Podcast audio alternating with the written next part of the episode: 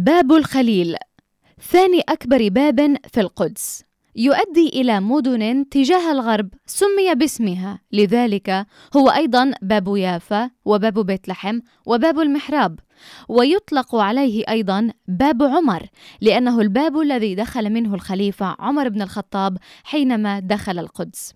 وهناك بعض المصادر التي تشير إلى أنه سمي بباب الخليل نسبة إلى خليل الله سيدنا إبراهيم عليه السلام الذي دفن في مدينة الخليل. الباب بناه العثمانيون بشكله الحالي بعد أن هدموا جزءا من سور القدس لتوسيعه سنة 1898 بعد ذلك بتسعة عشر عاما اقتحم الإنجليز القدس من هذا الباب سنة 1917 حينما دخل الجنرال إدموند ألينبي إلى مدينة القدس ليعلن سيطرة بريطانيا عليها.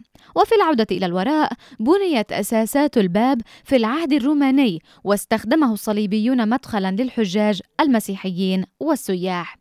صمم الباب على شكل زاوية قائمة للحد من قوة هجوم الأعداء إذا دخلوا فلا ترى المنطقة الموجودة داخله إلا إذا انعطفت. على مدخل الباب نقش اسم السلطان سليمان القانوني وألقابه وسنة البناء. إن وصلته تذكر أن الحكايات الشعبية تقول إن كل من غزا القدس دخلها من باب الخليل. لشبكة أجيال أسيل دزدار